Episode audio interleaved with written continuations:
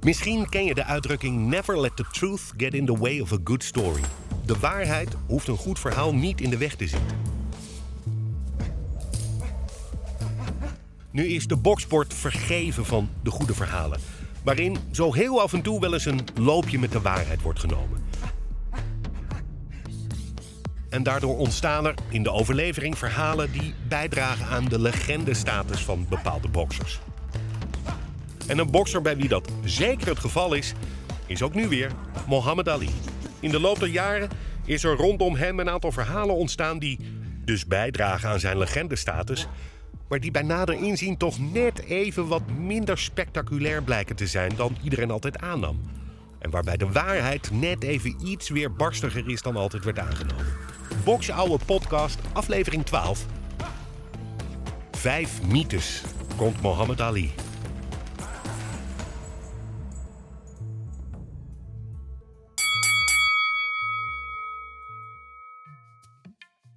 Het is 1963. Ali, dan nog Cassius Clay geheten, heeft zijn eerste gevecht buiten Amerika sinds hij in 1960 goud won op de Olympische Spelen in Rome. In Wembley Stadium in Londen neemt hij het op tegen de Brit Henry Cooper. En dat zal in alle opzichten een legendarisch gevecht worden. Clay is in de aanloop naar dat gevecht begonnen met zijn uh, bekende psychologische oorlogsvoering. Well, Henry Cooper's nothing but a tramp. He's a bum. I'm the world's greatest. He must fall in five rounds, but if you talk about me, I'll cut it three. Well, I'll tell Henry Cooper if he's watching this show to come to the fight and be ready to fight. Because I'm coming to get you. I'm coming to London to get you. And after I'm through beating him, I think he'll have to join the Beatles and be a singer. Eenmaal in Londen gaat hij daar gewoon mee door. Hij komt het stadion binnen met een hermelijnen mantel, een koningsmantel om zijn schouders en een kroon op zijn hoofd. En op zijn jas, op die mantel staat I am the greatest.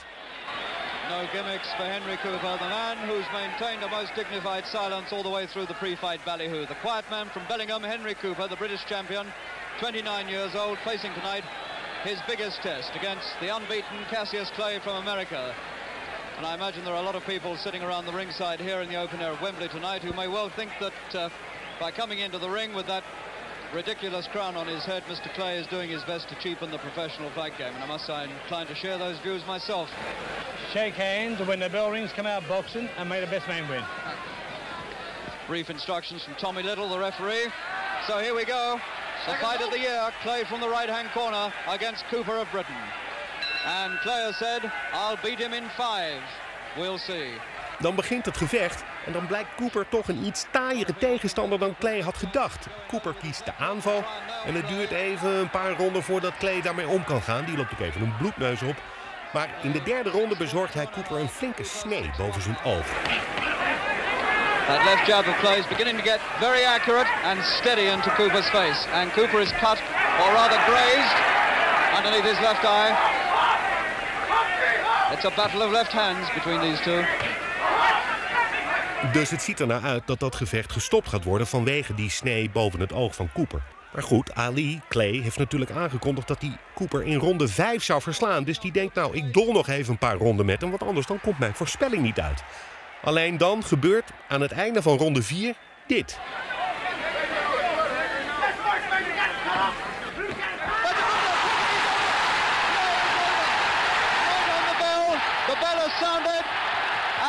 about three. Clay. That was the end of the fourth round, and he hit him about two seconds before the end of the round with a left hook. Too many, and he still doesn't know where he is. Henry's Hammer, zoals de linker van Cooper genoemd werd, die raakt Clay vol op de kin. En Clay gaat neer, voor de eerste keer in zijn carrière. En vrijwel meteen daarna is de ronde afgelopen, dus Clay is saved by the bell, letterlijk. He's still half out, Clay. They're working furiously on him in the corner. Angelo Dundee is trainer. He really is giving him a talking to. Cooper's left hook finally scores, and Clay was down two seconds from the end of the fourth round and got up just after the bell, and he doesn't know where he is. He's looking at his corner. Maar Clay is ook even helemaal de weg kwijt. Hij wordt op zijn kruk gezet, dan staat hij meteen weer op. En Angelo Dundee, zijn trainer, die moet echt zijn best doen om Clay weer bij zinnen te krijgen. Uh, die duwt hem weer op zijn krukje neer en die houdt ook ammoniakflesjes onder zijn neus. Iets wat eigenlijk verboden is in Engeland. En dan ziet Dundee dat het stiksel van Clay's handschoen is ingescheurd. Nou, dan steekt hij zijn duim erin en dan maakt hij die scheur nog groter. En dan roept hij de scheidsrechter Tommy Little erbij. En hij zegt, nou die handschoen is kapot. En dit is waar de mythe er met de realiteit van doorgaat. Het verhaal is altijd geweest dat er een nieuwe handschoen gehaald moest worden, helemaal aan de andere kant van Wembley Stadium, waar de kleedkamers zijn. Waardoor Clay dus meer tijd had tussen de ronden om te herstellen van die stoot die hij net heeft gekregen. Maar feit is dat de scheidsrechter heeft geconstateerd dat de handschoen kapot was, maar dat die Clay gewoon heeft laten doorboksen en dat terwijl de ronde bezig was er een nieuwe handschoen werd gehaald. De extra tijd die Clay dan zogenaamd aan de gochme, de slimheid van Dundee te danken had, die was er helemaal niet. Feit is wel dat Clay dus uiteindelijk zichzelf wist te herpakken en dat het gevecht inderdaad in de vijfde ronde werd gestopt omdat Cooper te erg bloedde. Cooper's left eye is pouring blood. Gum shoots flying out. Henry is dripping blood. And I think Tommy Little will have to stop this because Cooper's eye is really in an absolutely appalling state. It is the worst cut eye I've seen for a very, very long time indeed. I do not see how he can let this go much further. It's round five. And now he's slipping in, and I think this is it. The towel has come in from Cooper's corner, and Tommy Little's looking at it. And he's had to stop the fight. There was no alternative. He had to stop the fight, Tommy Little. It's all over in round five. And Clay is getting bombarded with programs from angry ringsiders. The man who was put down at the end of the fourth round. And Cooper, although he's been beaten on a cut eye, is far from disgraced. En zo kwam de voorspelling van Clay, die hij voorafgaand aan het gevecht deed, toch uit. Er zijn in de carrière van Muhammad Ali twee boksers geweest tegen wie hij het drie keer opnam. De ene was Joe Frazier en de ander was Ken Norton. In het eerste gevecht tegen Ken Norton is het decor voor een andere hardnekkige Muhammad Ali-mythe, die van de gebroken kaak. from San Diego, California, with a record of 31, 1, and 24 KOs, weighing in at 210 pounds, here is Kenny Norton. Kenny Norton. Kenny Norton, the young man who's been seasoned by sparring with Joe Frazier. Indeed, he's been a sparring In partner of Joe's, down in Kingston, Jamaica. So he's got a sense of where it's at. The former world heavyweight champion. His record 41-1 with 31 KOs. Weighing in at 221 pounds, the people's choice, Muhammad Ali. Ali. Muhammad Ali, about whom so much has been said and so much written, scheduled 12 rounder. And with me from time to time at ringside will be the former heavyweight champion of the world, the only man to have defeated Ali, Joe Frazier. In 1971 is het eerste gevecht tussen oud-marinier Ken Norton en Muhammad Ali. En meteen in het begin van het gevecht wordt duidelijk dat Ali moeite heeft met de onorthodoxe stijl van Ken Norton. Ken Norton gebruikt een zogeheten cross guard, armen gekruist voor het lichaam. Zijn voetenwerk is eigenaardig en al snel wordt duidelijk dat Ali moeite heeft om die manier van vechten te pareren. Half a minute to go, the crowd excited as Ali was pinned in the corner, but you saw blocking those punches. With his arms and with his gloves. Ook blijkt al snel dat Ali Norton heeft onderschat. Hij is onvoldoende getraind en hij heeft een aantal uren voor het gevecht nog seks gehad met twee vrouwen die niet zijn echtgenoten waren, laten we het zo zeggen. En hij ziet zich geconfronteerd met een tegenstander die getraind wordt door de legendarische Eddie Fudge. Een trainer die als geen ander tegenstanders kan analyseren en lezen en op basis daarvan zijn vechter de ring instuurt. En hij laat Ken Norton vechten op een manier die voor Ali buitengewoon lastig is. Dat zal in alle drie de gevechten tussen Muhammad Ali en Ken Norton het geval zijn. When Ali would want to be scoring heavily and is not able to do so. Norton is throwing the leather. He is not connecting. Ali has the blows blocked, but the aggressor remains Kenny Norton. In ronde 2 wordt Ali door Norton in de hoek gedreven. En ronde 2 is ook de ronde waar de mythe ontstaat. Ali heeft altijd beweerd dat Ken Norton in ronde 2 zijn kaak brak. Norton houdt vol dat dat pas in de laatste ronde gebeurde, ronde 12. En het maakt natuurlijk nogal een verschil of je van ronde 3 tot en met 12 met een gebroken kaak vecht, of alleen de laatste ronde of een deel van die laatste ronde. With Angelo Dundee saying I broke his jaw in the second round, they're telling a story that will make their fighter look invincible. That Ali is take unsurmountable pain. I broke his jaw in the last round. Ali zocht natuurlijk naar een excuus waarom hij die wedstrijd verloren heeft. En dan komt zo'n gebroken kaak natuurlijk wel goed uit. Als je de wedstrijd analyseert, dan zie je zowel in ronde 1 als in ronde 12 momenten dat Ali inderdaad een stevige stoot op het gezicht krijgt. Maar goed, die momenten zijn er ook in ronde 3, in ronde 7, in ronde 8, in ronde 9.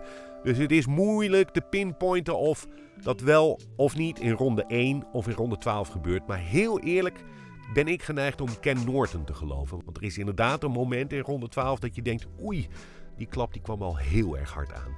Ik ben geneigd Norton te geloven, maar goed, Ali zei dus altijd het is gebeurd in ronde 1. Norton zegt het was in ronde 12. Muhammad Ali cannot talk. A happy Kenny Norton.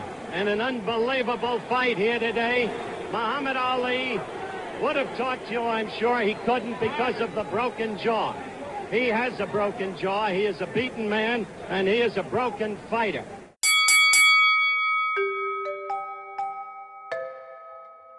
I said, last night I had a dream. When I got to Africa, I had one hell of a rumble. I had to beat Tarzan's behind first for claiming to be the king in the jungle. Ali's meest tot de verbeelding sprekende gevecht, het gevecht dat hem echt de legendestatus bezorgde, is natuurlijk The Rumble in the Jungle. Kinshasa 1974. Ali verslaat tegen alle verwachtingen in het eenman sloopbedrijf George Foreman. En dat doet hij door eerst in het hoofd van Foreman te kruipen, psyching him out, wat Ali natuurlijk als geen ander kan. George is small. I'm big as George, or bigger, faster. My reach is longer, my fist is bigger. Quit talking all this crazy talk. You to cost all these people losing their money. Talking about how big George Foreman is, how terrible. I'm scared for my life, how relentless he is. That sucker ain't nothing. Trump can't even fight. Wait till he come in here after me. Fight like a damn woman. Can't swing. Hit people when they're down. Sucker slow, ain't got no rhythm. Trying to dance. I had to trick him into this fight. I had to make the world think my legs were gone. But he can't dance no more. Previous fight show where he stands in the corner. I did that on purpose, man. Can I dance?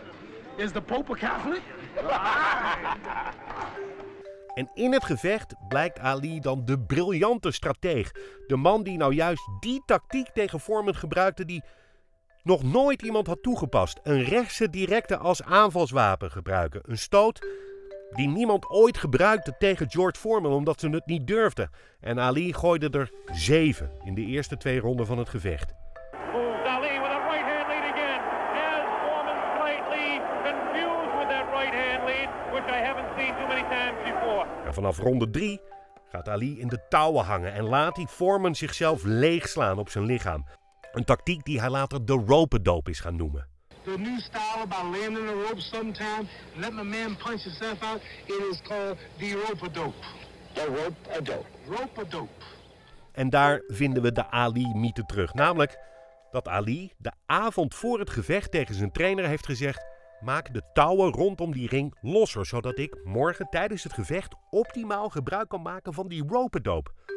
Maar dat verhaal is niet waar. Sterker nog, Dundee heeft op de dag van het gevecht gevraagd of de touwen juist strakker konden worden getrokken. Dus dat hele verhaal van die rope-dope tactiek en dat Ali dat de dag ervoor al heeft bedacht en tegen zijn trainer heeft gezegd: maak die touwen losser, niet waar. En ook het hele idee achter die tactiek. Ik weet vrijwel zeker dat Ali dat vlak voordat die wedstrijd begon het ineens bedacht heeft.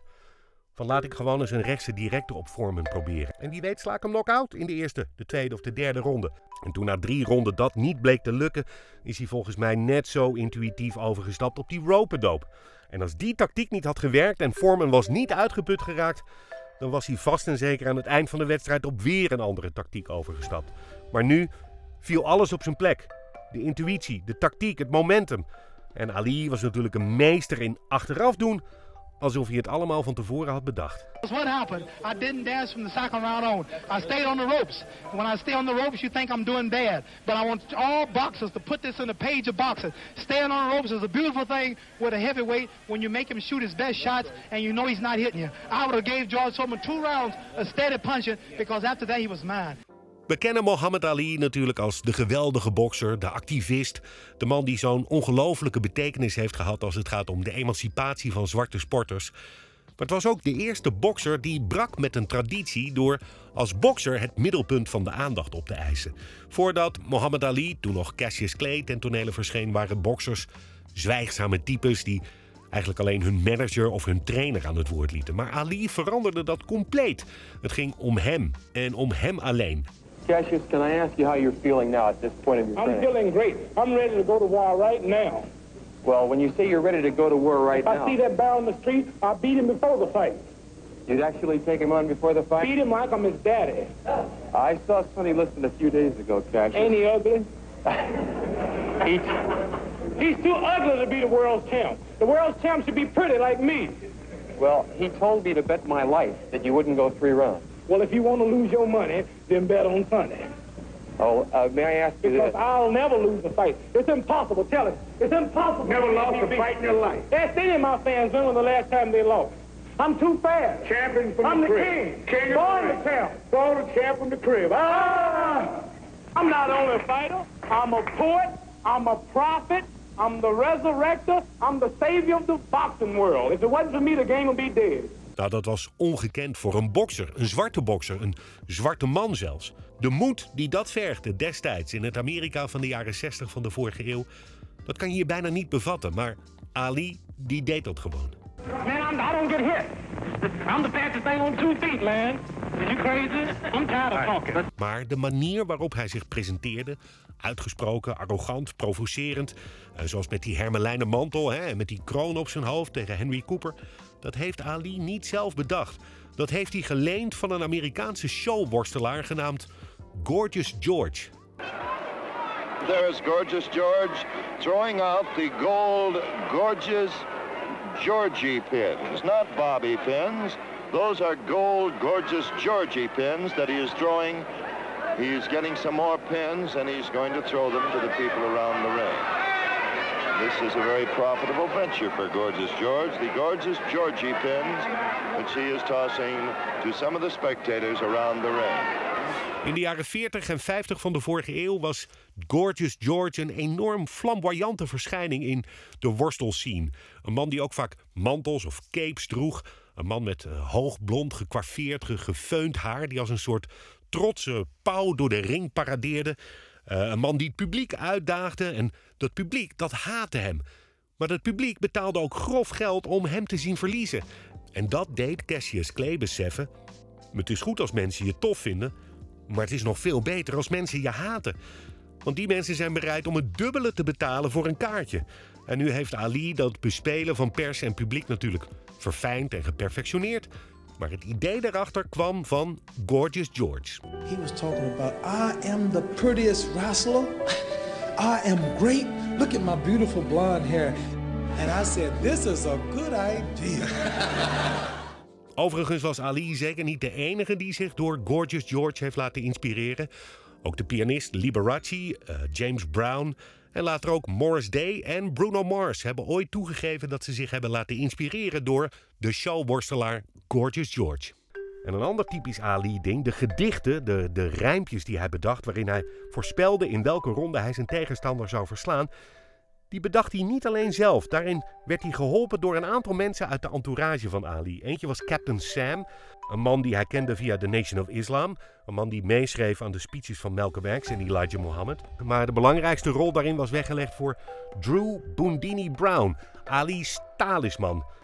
I think Mohammed is a prophet. How you gonna beat God, son? Mister? Met voorsprong de meest enigmatische uit de entourage van Ali. Boondini was een soort hype man. Iemand die, die met hem bad, die met hem lachte, die met hem huilde en die tijdens gevechten de pijn die Ali moest doorstaan probeerde van hem over te nemen. Als je gevechten van Ali kijkt, dan hoor je Boondini vaak boven het publiek uitkomen, schreeuwend: Dance, champ, all night long. Dat soort teksten. Well, how do you account then for the closeness of your relationship with the champion? Well, I don't think religion have too much to do with the relationship with a with a human being. I think we're very close uh, being human. We have the same uh, kind of problems, like, but uh, I pray my way and he pray his way, but I think we agree on a lot of points. Er is onlangs een uh, biografie over Boondini verschenen waarin hij de Soul to Ali Spirit werd genoemd. En dat is denk ik wel een rake typering. Boondini was analfabeet, alcoholist, maar ook een groot filosoof die de ene naar de andere overpeinzing en diepe one-liner de wereld inslingerde. We're going from the darkness to the light, from the root to the fruit, dat soort teksten. En hij, Drew Boondini Brown, is de bedenker en de man achter de bekendste one-liner van Ali. Float like a butterfly and sting like a bee. Rumble, young man, rumble. Float like a butterfly, sting like a bee. Bedacht door Drew Boondini Brown.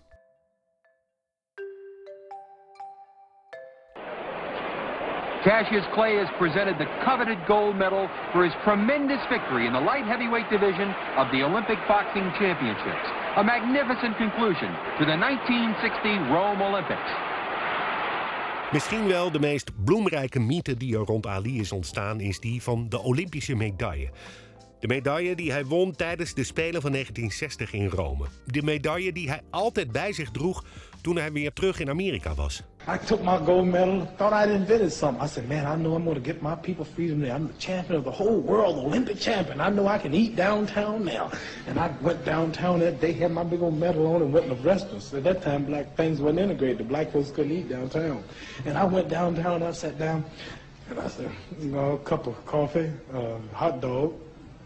He said, the lady said, we don't serve Negroes. I was so mad. I said, I don't eat them either. Just give me a cup of hot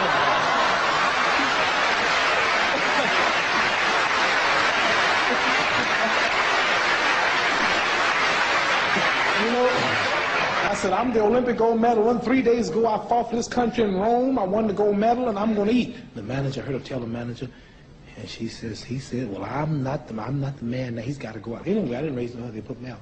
And I had to leave that restaurant in my hometown where I went to church and served in their Christianity and fought and daddy fought in all the wars. Just wanted to go medal and couldn't eat downtown. I said, something's wrong. And from then on, I've been a Muslim. En het verhaal dat Ali hier omheen heeft verzonnen is dat hij na dit incident in die diner teleurgesteld naar de Ohio River is gelopen, die medaille af heeft gedaan en hem in het water heeft gegooid.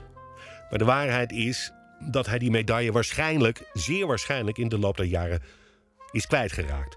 Die is ergens in een la terechtgekomen en toen waarschijnlijk met een verhuizing verdwenen. En eigenlijk maakt het voor de symboliek van dit verhaal niet zo heel erg veel uit. Het feit dat hij in die diner geweigerd werd, ondanks dat hij dus een Olympisch kampioen was, het deed hem beseffen dat hij, Cassius Clay, als zwarte man in het Amerika van de jaren 60 van de vorige eeuw, een tweederangs burger was. Het maakte hem pijnlijk duidelijk hoe de verhoudingen in het land lagen. En het deed iets in hem ontwaken dat hem zou vormen. Het legde de basis voor zijn dienstweigering jaren later. Toen hij het leger in moest om voor datzelfde Amerika te vechten in Vietnam. I am a Muslim minister and a teacher of the religion of Islam. It has been said that I have it has been said that I have two alternatives. Either go to jail or go to the army. But I would like to say that there is another alternative. And that alternative, that alternative is justice. And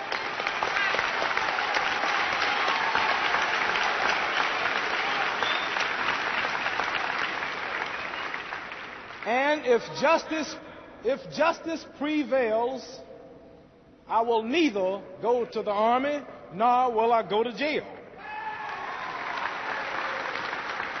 They say that actually every time that I enter the ring, in a way, I'm going to war. They say to me daily, You are a prize fighter. What's the difference? And I like to say to those critics of the press and to the others that there is one hell of a lot of difference in fighting in the ring and going to war in Vietnam. Boxing is nothing like going to war with machine guns, bazookas, hanging aids, bomber airplanes.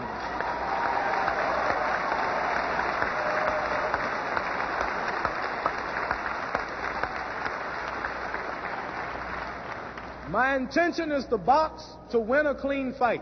But in war, the intention is to kill, kill, kill, kill, and continue killing innocent people. That's what the in war. En of hij nou wel of niet die medaille in die rivier heeft gegooid. Waarschijnlijk heeft hij het ooit in overdrachtelijke zin in een interview gezegd: van ik had dat ding net zo goed in de rivier kunnen gooien. En dat dat vervolgens als een letterlijk citaat in de media is verschenen. En dat Ali toen dacht: nou ja, we laten het maar zo. Die medaille is daardoor een soort symbool geworden voor de principes waar Ali voor stond. En Ali was weliswaar eerzuchtig, maar prijzen betekenden voor hem niet eens zo heel erg veel. Het ging om veel meer dan die prijzen, die medailles. Natuurlijk was hij eerzuchtig, maar het ging hem meer om de symboliek van het de beste zijn dan de tastbare bewijzen daarvan. Jaren later kreeg Ali tijdens de Olympische Spelen van Atlanta van het Internationaal Olympisch Comité nieuwe medaille. At the 1960 Rome Olympics, an 18-year-old from Louisville, Kentucky won a boxing gold medal. He was admired as an athlete and even then also admired for his engaging personality. After Rome, he would go on to a boxing career without equal. Also, for the past 36 years, he has become a worldwide symbol of hope and possibility. But an important piece of his history has been lost the gold medal. Tonight, the president of the International Olympic Committee, Juan Antonio Samaranch, is here to present to Muhammad Ali this replacement for the boxing gold medal he won at the Games of the 17th Olympiad.